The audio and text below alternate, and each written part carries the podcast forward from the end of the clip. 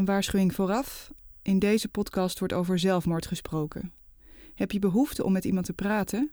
De zelfmoordpreventielijn is 24 uur per dag bereikbaar op het nummer 0800 0113. Welkom bij Vrouwen van het Nationale Theater, een podcastserie van het Nationale Theater.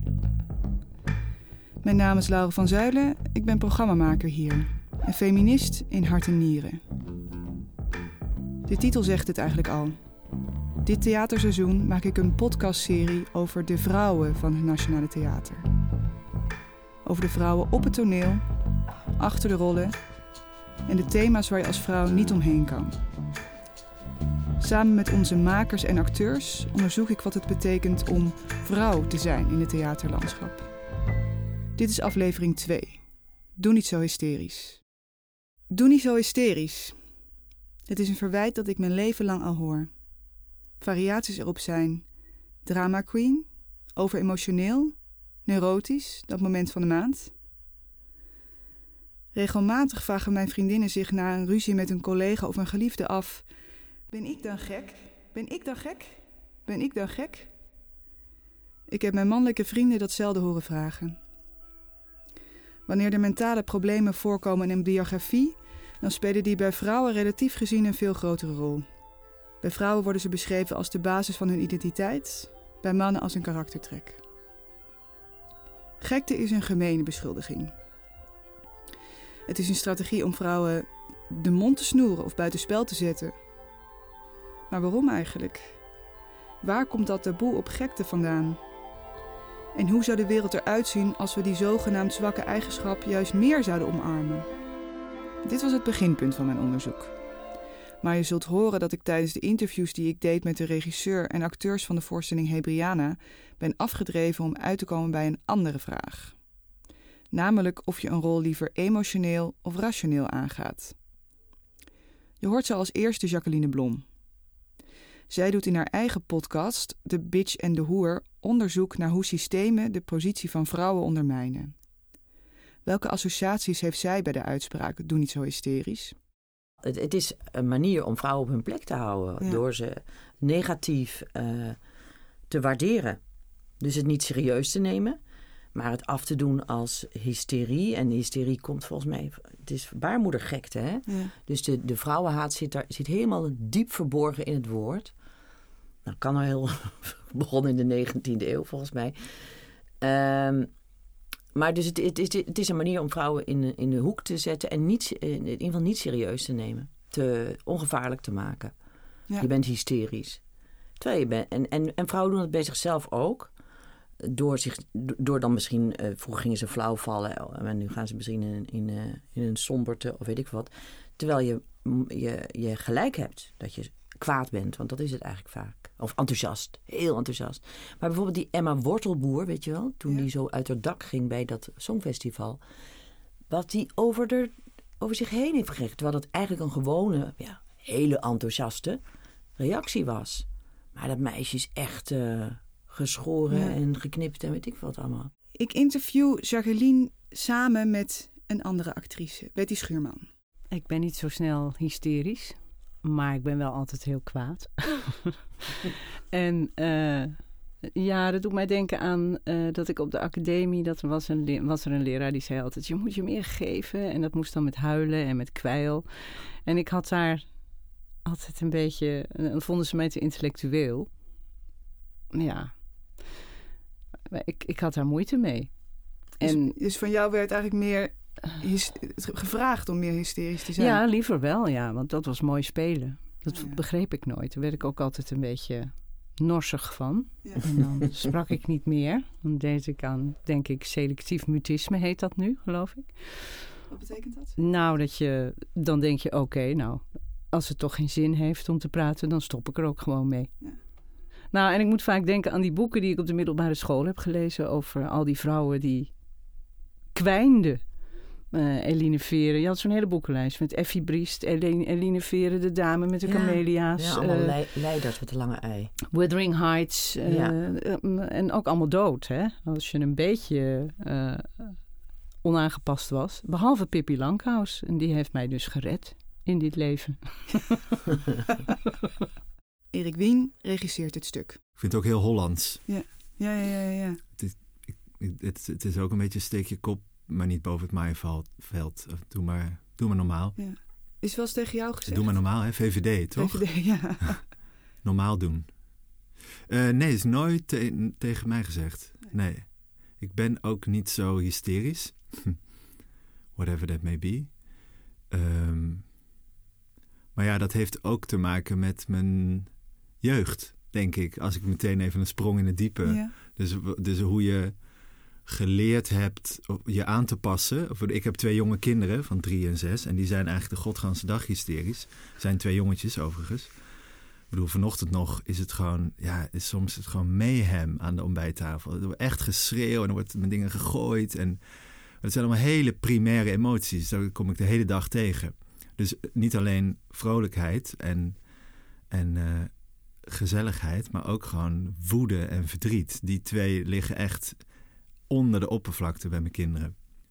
Ik, ik weet ook nog toen, toen, toen ik kinderen kreeg, dat ik eigenlijk mezelf ook weer uh, zag als kind. En ik schrok eigenlijk van hoe uh, uitbundig en hoe emotioneel zij waren. Want ik dacht, hè, wat, wat zijn kinderen kunnen zich toch ook wel een beetje inhouden. Zo, maar dat was eigenlijk best wel een spiegel. Daar schrok ik wel van voor mijn eigen jeugd, omdat ik dacht, oeh, ik heb me best wel, uh, ik heb me best wel braaf gehouden als kind.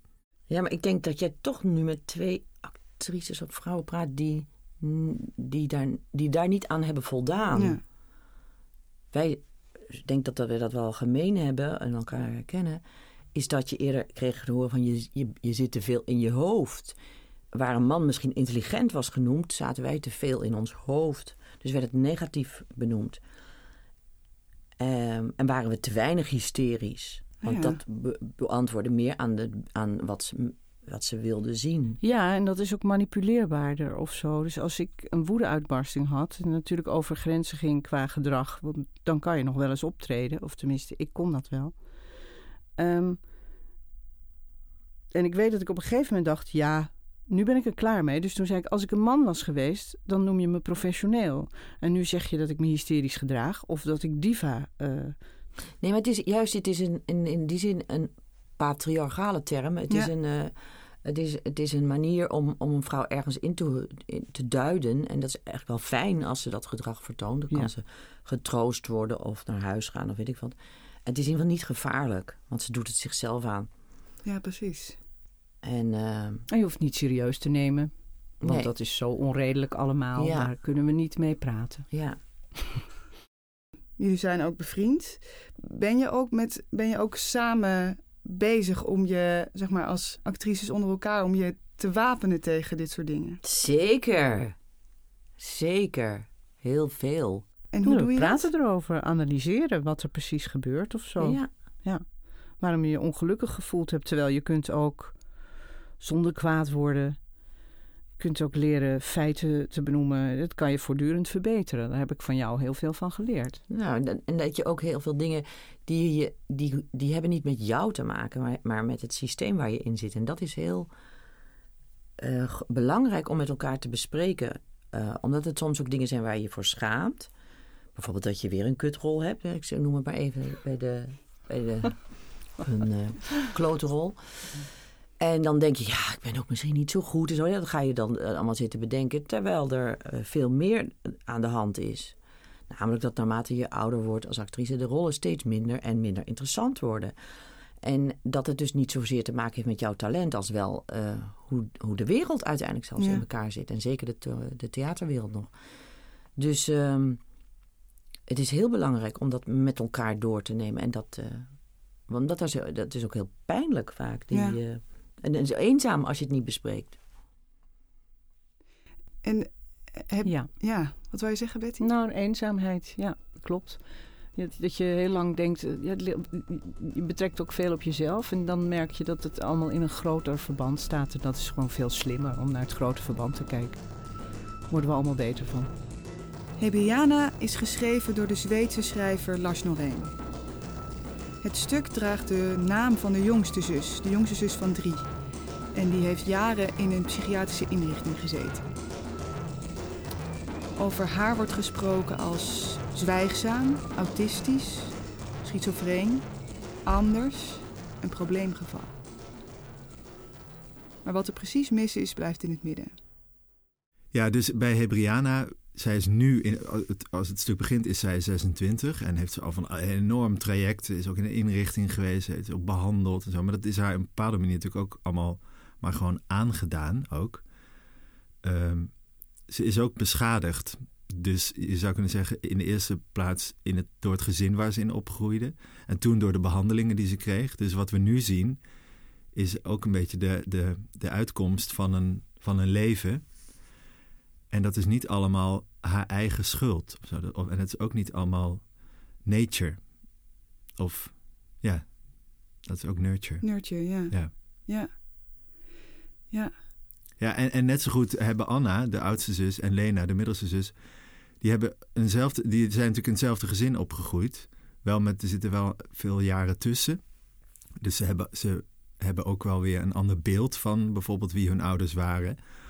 Uh, maar ja, dus ik vind ze, laat ik simpel zeggen, allemaal beschadigd. dus wat mij betreft is Hebriana uh, totaal niet uh, de ander of de vreemdeling in het stuk. Als jullie, want als we eens kijken naar de rollen die jullie nu in het, uh, in het stuk spelen, um, wat voor type vrouwen zijn dat? Nou, ga jij maar. Leeuwinnen. Leeuwinnen, ja? ja? Ja, vind ik wel. Ja. welke, maar er zijn ook, ik heb daar ook dingen. Um, welke, welke rol speel jij? Ik speel Ingrid, de moeder. Wat al best bijzonder is, dat ik de moeder van Jacqueline speel. ja. Maar goed, dat kan op toneel. Um, maar wou het toch even gezegd hebben. Ja. Uh, um, ze zijn sterk, maar uh, ja, het zit, zit ook rond, rond de hysterie of zo. In de schriftuur, vind ik soms. Ja, denk ook. En uh, soms denk ik ook... Oeh, de, ik moet zelf ook de pen pakken. En bijna naast mijn eigen monoloog uh, zinnen die ik, die ik mis of zo. Want ik ben nu wel soms ook op zoek, want er moet ook geschrapt worden, anders duurt het te lang. Maar ik heb een aantal zinnen, want ik dacht, hé, hey, ik word gestuurd. Er stond, dat was geschrapt, er stonden twee zinnen die eigenlijk heel argeloos en niksig leken. Dan staat er, hoe moet ik, hoe moet ik, en verder niks. die heb ik er terug ingekregen. Omdat je daar ziet dat die vrouw voortdurend aan het knokken is om een kind te bereiken. Zonder dat het uh, is als: uh, Oh, hoe moet ik toch, hoe moet ik toch contact met jou zoeken? Nee. Dat je, dat je blijft hangen in hoe moet ik het aanpakken? Of dat het, hoe moet ik, hoe moet ik, dat je dat gewoon laat zweven. Ja, ja. Want het vertelt veel meer over een vrouw die het even niet weet. Die moeder zegt, gespeeld door Betty, ik vind het zo moeilijk dat ik haar iets anders zou moeten noemen dan Brit Marie als ik haar altijd Brit Marie heb genoemd. En die andere, die idiote andere naam, die klinkt zo somber, zo duister. Ja. En dat is Hebriana, hè? Ja. Dus het, we hadden het over uh, waarom uh, Hebriana is zoals ze is. Ja. Maar wat zo goed is aan die zin die je net Ja. voorleest, die begint dus met het woordje ik. Ja. En dat is eigenlijk heel exemplarisch voor die moeder. Daar kan ze ook niks aan doen. In die zin zie ik haar ook weer als een kind van haar ouders. Uh, maar zij heeft het dus over zichzelf heel veel. En ja, je hebt die mensen die, uh, dus in dit geval, Hebriana heeft haar naam, of Brit Marie, zo heet ze, heeft haar naam veranderd in Hebriana. Wat een enorme daad is als kind. Het is ook een, gaat ook over loskomen van je ouders en, en echt worden wie je bent. Um, en dan komt dat zinnetje. Ik vind het gewoon moeilijk om haar anders te noemen. Ja, dan kan, kan je ook zeggen van, heel, van ja, uh, who cares, weet je? Wat, ja, los het op dat jij dat moeilijk vindt. Dat is, dat is niet Hebriana's probleem.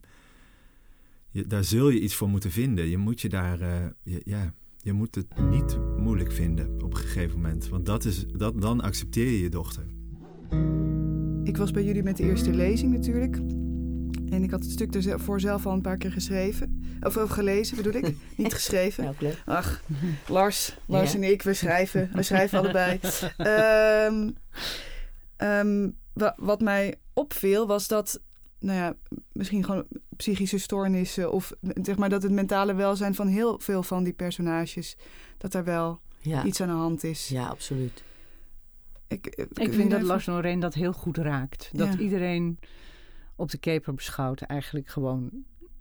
Uh, een, ja, je, hebt, je had vroeger altijd die vrouw bij. Uh, nee, uh, is het niet Witheringham Jane Eyre? Ja. Daar was een vrouw die heette Grace Poole. En die zat boven op zolder. en die was gek. En dat was eigenlijk gewoon zijn vorige echtgenote waar hij vanaf moest. Want hij moest met die Jane Eyre natuurlijk. Ja. dus ik denk ook altijd... Uh, iedereen heeft een Grace Pool in zich. En iedereen kan op die zolder terechtkomen. En dat, daar heeft hij volgens mij wel... Uh, dat heeft hij wel goed gezien. Ja. ja, het is altijd dichtbij. Het is een dun lijntje. Het is, het is echt interessant wat Hebriana oproept bij mensen. Want ze confronteert je ook daarover na te denken. En ook, ook ik als maker en ook in het publiek straks. Wat, hoe, hoe bestempelen we haar? Ze is ook, je zou kunnen zeggen dat ze spiritueel is. Ik denk dat ze in andere culturen zou het een soort shamaan zijn. Ze is heel intuïtief. Ze praat heel raadselachtig of ze praat niet. Dat is ook, dat is ook een non-verbaal iemand. Dat is natuurlijk lastig in een, in een gezin waar heel veel gepraat wordt. En is er één stille. En dan, ja, dan loop, heb je dus, loop je achter. Dan doe je dus niet meer mee. Terwijl als je het zou omdraaien, dat proberen we denk ik in de voorstelling ook te doen. Dat we eigenlijk, ja, of ik zeg wel eens tijdens het repeteren, bij wie zijn we nou eigenlijk te gast? Zijn we allemaal bij die moeder te gast in het zomerhuis aan de Zweedse kust? Of zijn we misschien wel allemaal te gast bij Hebriana? Zitten we misschien wel in haar hoofd? Begint het bij uh, haar ogen die opengaan en zij kijkt naar haar familie? In plaats van er is een familie en die kijkt naar haar. Er wordt over haar gesproken dat ze zich in een grot heeft teruggetrokken een aantal jaren. Ja, dat vind ik, ik bedoel, dat is, dat is, dat is horror. Dat klinkt als, als de hel, maar het klinkt ook als iets wat je ja, bijna als een, uh, ja, als een soort reis naar binnen. En daar kun je dus ook weer uit wakker worden en uit weer naar buiten komen. En mm misschien wel iets hebben meegemaakt wat je, waar, waar je, wat je kan delen in de buitenwereld. Als een soort kokon. Als een soort kokon, ja. Het, ja, het, gaat ook, het stuk speelt zich dus af, dat is ook zo knap van Noreen, op midzomeravond. Dat is de langste dag van het jaar. Dus de zon gaat maar niet onder. Ja, dat is natuurlijk ook, dat is net zo goed horror. Dat, dat er alles in het licht is en de hele tijd alles open en alles zichtbaar. Dus het recht om je terug te trekken en, en de veiligheid van een grot en van het donker en van de nacht is natuurlijk essentieel. Ook om te helen of om je eigen gedachten te horen.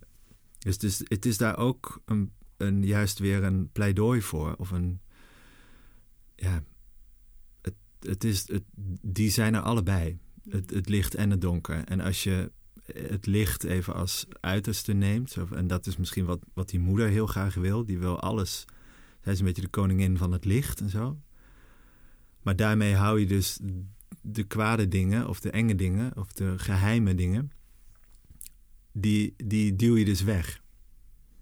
En, en de clash in Hebriana is dat ze samenkomen. Dat, dat eigenlijk die moeder en die dochter, met die personages eromheen, in één huis worden gezet. En, uh, en dat, dat levert van alles op. Of dat, ja. Ja, interessant hè? Zeker. Hebriana doet mij denken aan een vriendin die ik heb verloren. Zij pleegde zelfmoord na een lange periode van af en aan in psychiatrische instellingen. En als ik dit stuk lees, dan vraag ik me af hoe gek of hoe ziek is Hebriana eigenlijk? Is zij vooral een probleem voor zichzelf of voor haar omgeving? En hoeveel ruimte is er voor mensen die afwijken? Is dat, um, is dat keurslijf wat wij normaal noemen te krap? Mijn moeder was bijvoorbeeld ook heel depressief. En uh, uh, die heeft ook zichzelf uh, vermoord. Ik weet nooit hoe ik dat moet noemen, want zelfdoding en zelfmoord kan, kunnen we het ook een uur over hebben, wat dat is. Ehm, ehm, wat wilde ik daarover zeggen? Nou, oh ja, dat ik het, eh, ja, simpel gezegd, ook niet afkeur wat daar die reis die zij heeft gemaakt en de, en de, en, en de uitkomst die dat had. Los van het verdriet, dat, dat, dat, dat staat er eigenlijk los van. Ja, maar misschien keur ik sowieso heel weinig af. Omdat ik denk, ja, waarom? Maar je bent er wel echt mee bezig, deze. Of is dat al in je. Want ik bedoel, Every Brain Thing ging er natuurlijk ook over. Ja. Ehm, verdriet is het ding met veren. Ja. Ehm, en nu deze voorstelling. Is er een reden dat je er nu zo mee bezig bent? Ehm, ja, het heeft denk ik met angst te maken. En Hoe lang is het geleden? Uh, vier jaar geleden, denk ik. Vijf jaar geleden, vier en een half jaar. Eh, ik ben minder bang. Ik denk ook dat als je dat soort dingen meemaakt, uh, dan train je jezelf volgens mij in, in minder bang worden. En dus ook als maker en ook in de verhalen die ik wil vertellen, zie ik het denk ik ook wel meer en meer als mijn taak. Nou, niet mijn taak, maar het, wordt, het gaat me gewoon makkelijker af om, om het donker te laten zien. En om, omdat ik denk dat dat ook. dat het theater daar heel uh, uh, goed voor is. Ja. ja. En omdat daar ook antwoorden liggen. Maar er wordt heel veel over de uiterlijk gesproken, dat ze zo mooi is. Dus daar wordt ook heel veel op geprojecteerd. Dat is het, een, belangrijke waarde van een vrouw, schoonheid. Dus. Um... Maar ze is ook, zeg maar, van hetzelfde enigmatische als een Madonna, uh, hoe noem je dat, een icoontje. Dus je kunt, er, je kunt er naartoe en dan kun je daar als man dweilend huilen en daarna weer opstaan en verder met je ja, leven. Dat, dat halen ze ook, die twee personages. Die halen kracht uit haar, ja. Ja, vooral ook uit haar uh, dat, uh, dat ze nergens op reageert, zeg maar. Dat, dat is heel fijn. Iets, ja, ik wil alles in, ik wil alles in projecteren. Het is een geweldige vrouw eigenlijk. Ja. ja. ja. ja. Dus, dus we hebben allemaal onze vraagtekens. ja. ja.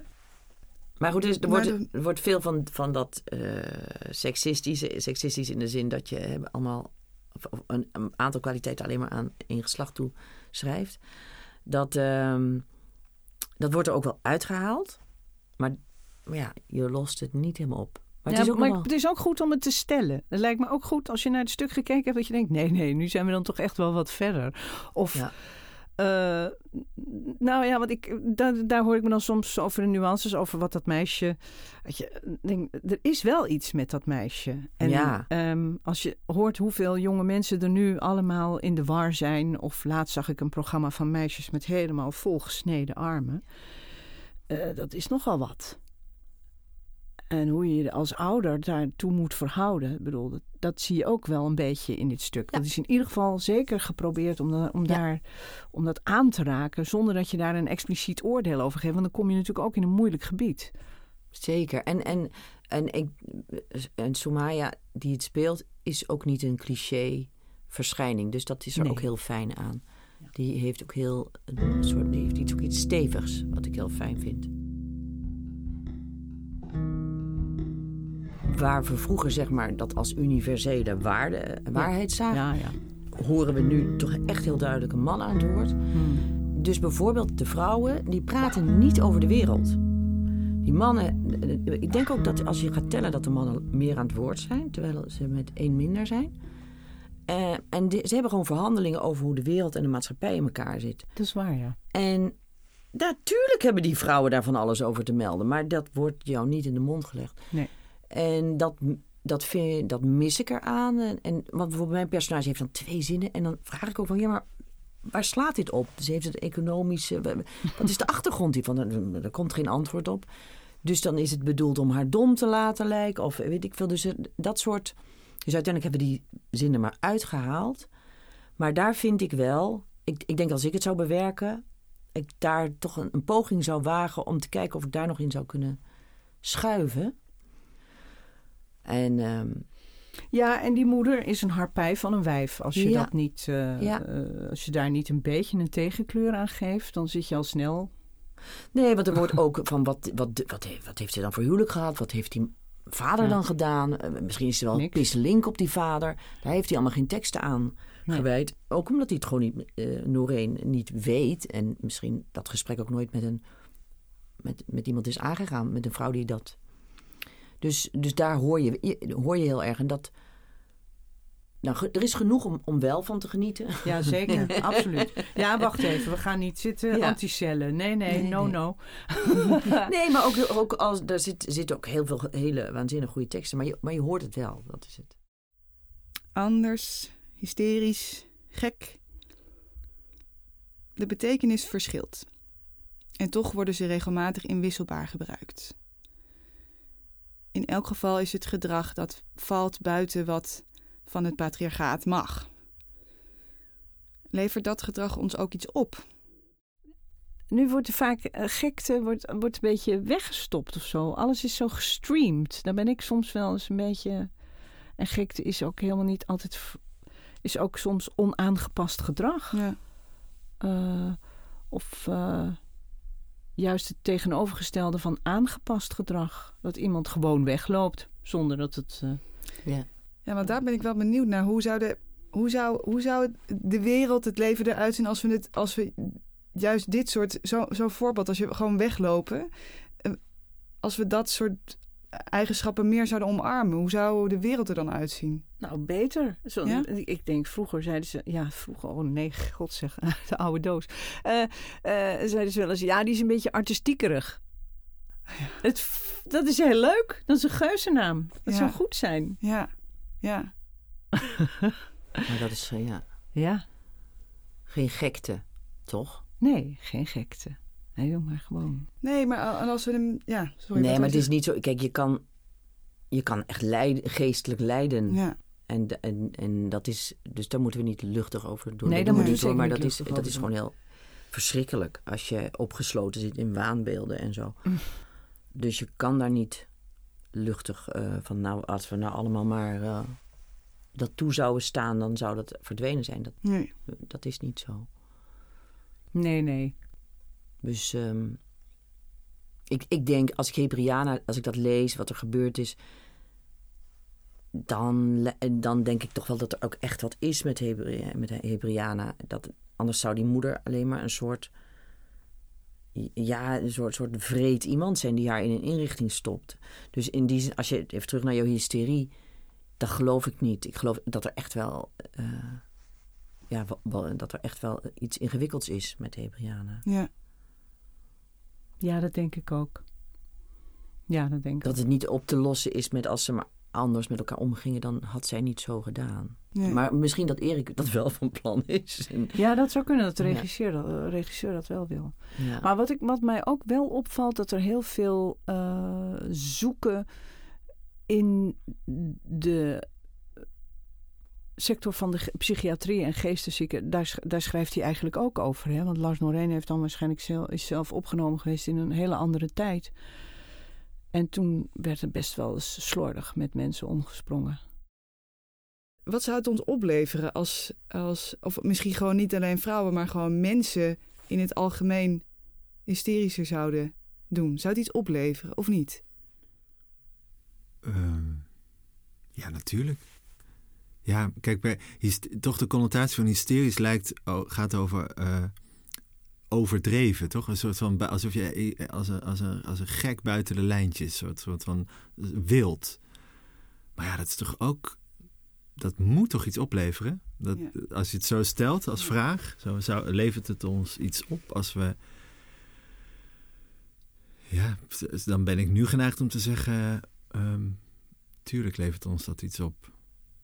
Omdat het in ieder geval een emotionele opdracht is en niet een rationele opdracht. Als ik het even, zullen we zeggen, probeer te eh, scheiden. Zo, hysterie en doe nou niet zo. Dat is een, volgens mij een, een hoofdelijke opmerking over iets wat uit de onderbuik naar boven komt. En ja, kijk, je, het, het- de dualiteit is belangrijk. Dus ze zijn allebei even belangrijk. Je hoofd is goud, maar je onderbuik is ook goud. Ehm, en dat hoofd moet niet sterker worden. moet niet dat, uh, dat gevoel uh, terugduwen. Vraag je wel eens aan acteurs om een, om een beetje hysterisch te doen? Uh, nee, want dan krijg ik denk ik hele rare blikken. Uh, want dat is dan zo cliché. Ja. Nee, maar het is, als, wij, als we repeteren, ik merk het ook als regisseur, is natuurlijk ook een hoofdelijk vak. Hè? Soms zit ik zo mijn hoofd te breken, hang ik boven het script en het zijn allemaal woordjes en ook, soms ook technische dingen oplossen. En, maar als het puntje bij het paaltje komt, zo de echt goede repetities, ben ik niet in mijn hoofd. Dat werk ik intuïtief. En, en put ik ook uit bronnen die, die, die emotioneel geladen zijn. Of die iets, over, die, die iets over mijn leven zeggen. Of zie ik bij acteurs ook dat het op een gegeven moment via het hoofd, waar die teksten en het begrip begint, zo fysiek wordt. En dat ze durven. De hysterie gaat dan misschien ook over durf. En, en niks is fout. En we zien wel waar het, uh, wat het betekent en waar, waar het ons brengt.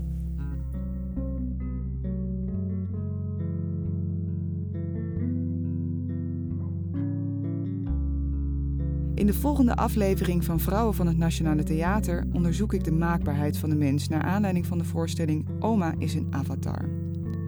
Abonneer je op dit kanaal om een melding te krijgen van de volgende aflevering en laat een recensie achter in iTunes. En sterretjes.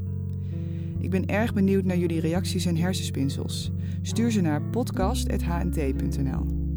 Mijn naam is Laura van Zuilen, techniek en montage deed Alexander Kramer, Casper Schellingerhout maakte de muziek. Met dank aan mijn redactie Karim Ameur, Dimfna van Kempen en Daan Valkhoff. Hebriana speelt tot en met 8 januari in theaters door het hele land.